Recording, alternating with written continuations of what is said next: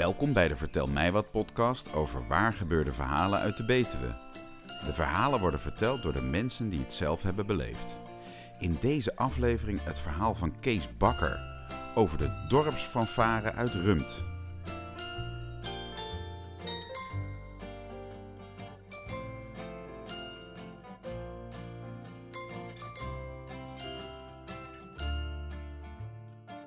Muziek.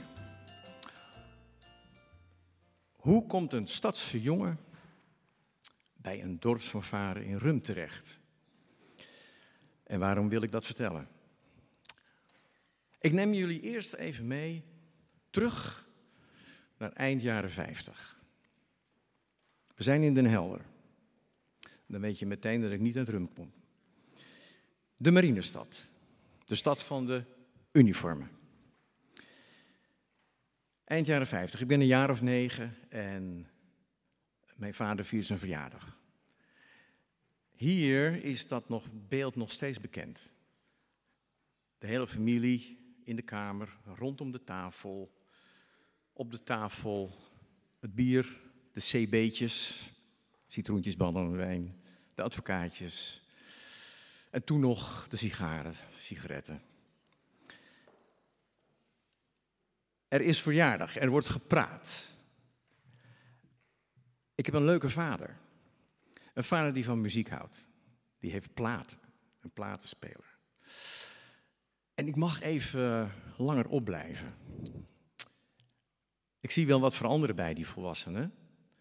En ik zie ook dat mijn vader steeds vrolijker wordt. En opeens zet hij een van zijn favorieten op. Bill Haley in the Comets. Rock Around the Clock. En ik zie iets wat ik nog niet eerder had gezien. Mijn vader pakt de jongste aanwezige nicht. En die gaan, en moet je je voorstellen, die kamer zit helemaal vol. Maar achter de stoelen en de muur, er was nog een gang, pad van 1 bij 5 meter richting keuken. En op die 1 bij 5 meter gaat mijn vader met die nicht staan rock'n'rollen. Op dat moment wist ik het. Nooit trek ik meer een uniform aan. En rock and roll is mijn muziek. Dan gaan we even verder. We gaan naar 1985. Ons huis is net klaar. In de zomer. Mijn vrouw Gerda en ik komen in Rum te wonen. En aan het eind van het jaar gebeurt er iets heel bijzonders. We hebben gehoord dat er die zaterdagavond, een week voor Sinterklaas, iets staat te gebeuren, daar moeten we bij zijn. Dus we gaan met onze buren mee. En daar op de kruising van de Achtermonde en de Achterweg staat een lantaarnpaal. En die probeert door de dichte mist heen te schijnen. Nou, jullie weten wel hoe dat eruit ziet. Zo'n lichtkegel, waardoor je het idee hebt dat er om je heen een soort witte muur is. Verder zie je niets. Wat er stond echter, in het licht van die lantaarnpaal, dat was bijzonder. Voor mij althans was het heel bijzonder. Ik had lange tijd geen uniformen meer gezien. Maar daar stonden ze.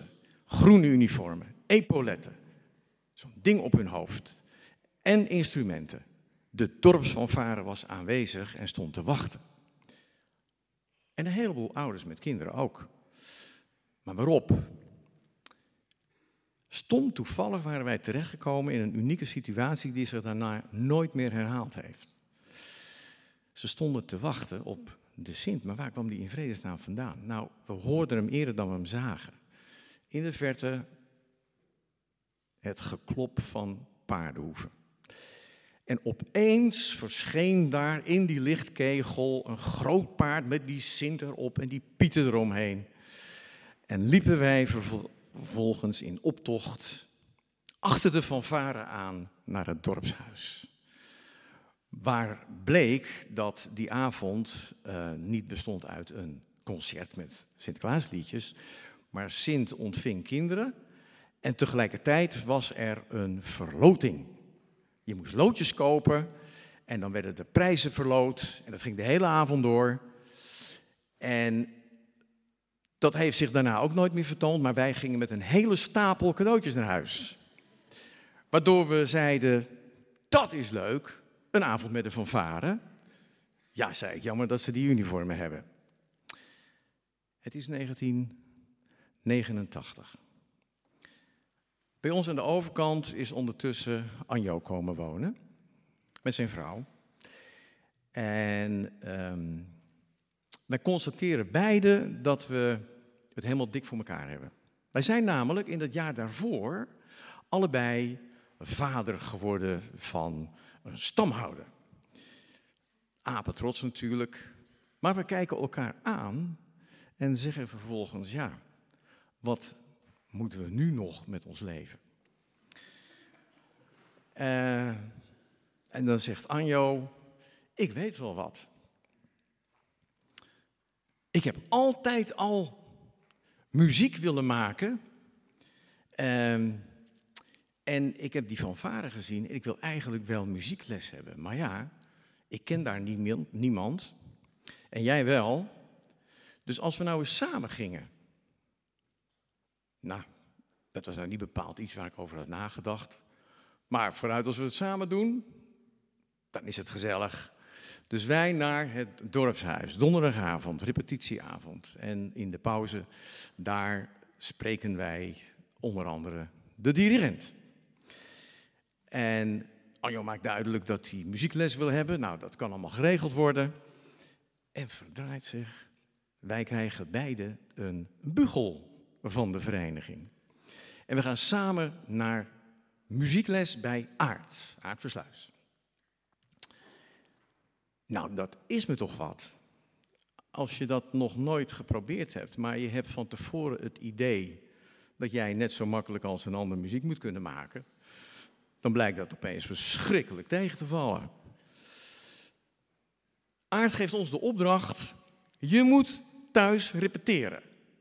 Nou, wij vonden het reuze gezellig, dus wij gingen inderdaad thuis heel hard samen uh, zitten repeteren. Allebei knorren op een bugel. Tot Aard na een paar maanden tot de ontdekking kwam. Nou ja, met die Anjo, dat uh, wordt nooit wat natuurlijk. En die zei, weet je wat jij moet doen? Jij uh, gaat naar Jan. Je krijgt een trombone. Die heeft een groot uh, mondstuk.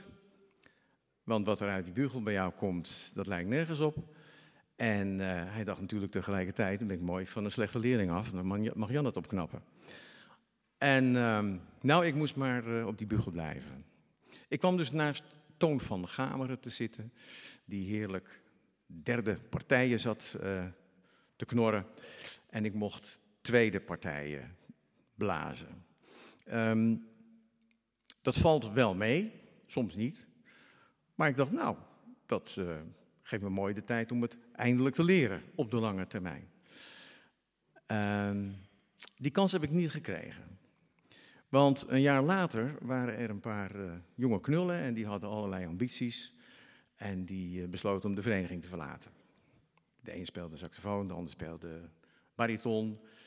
En Aard kwam tot de conclusie, ja, mijn orkest wordt nou toch wel een stuk uh, minder. Um, daar moet wat aan gedaan worden.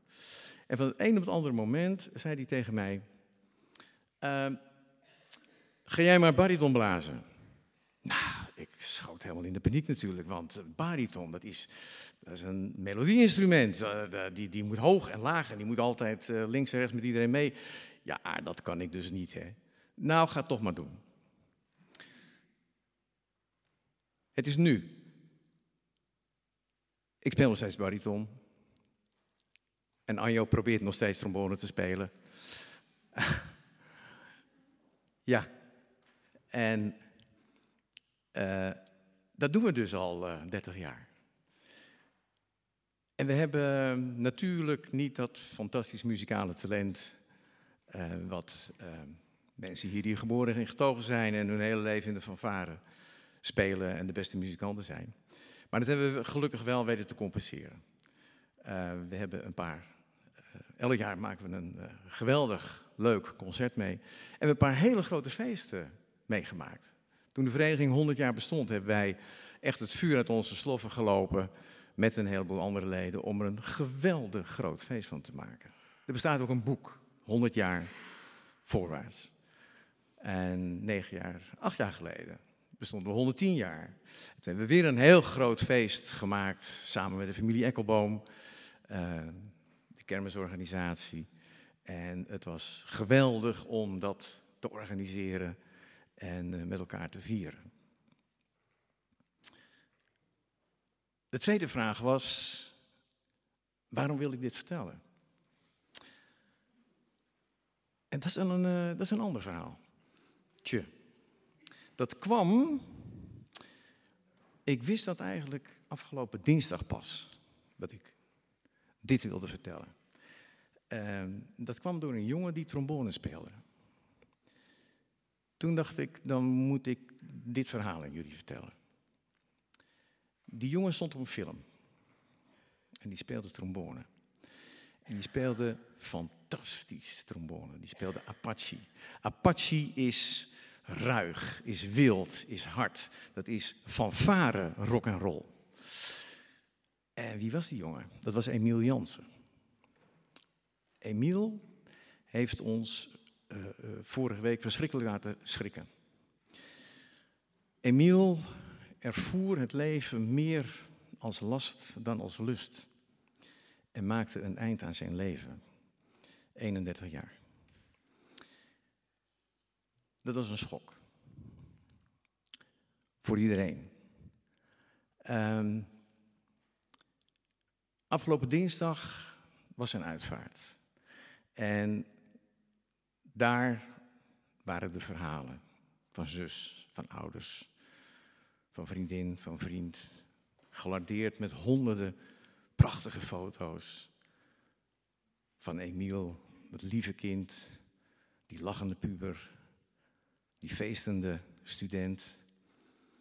En helemaal aan het eind, daar kwamen twee filmpjes. En daar zag je Emiel, te midden van zijn studenten, op zijn mondharmonica, pianoman spelen. En toen kwam het filmpje van het Rumsfeest. De dweilband die Apache speelde. Emiel samen met Gerrit, met die trombones. En dat wilde, ruige, varen rock'n'roll nummer spelen. Het leven spatte er vanaf. Wat een lol kun je hebben met muziek. En dat is de reden dat ik dit wilde vertellen. Dankjewel, Emiel.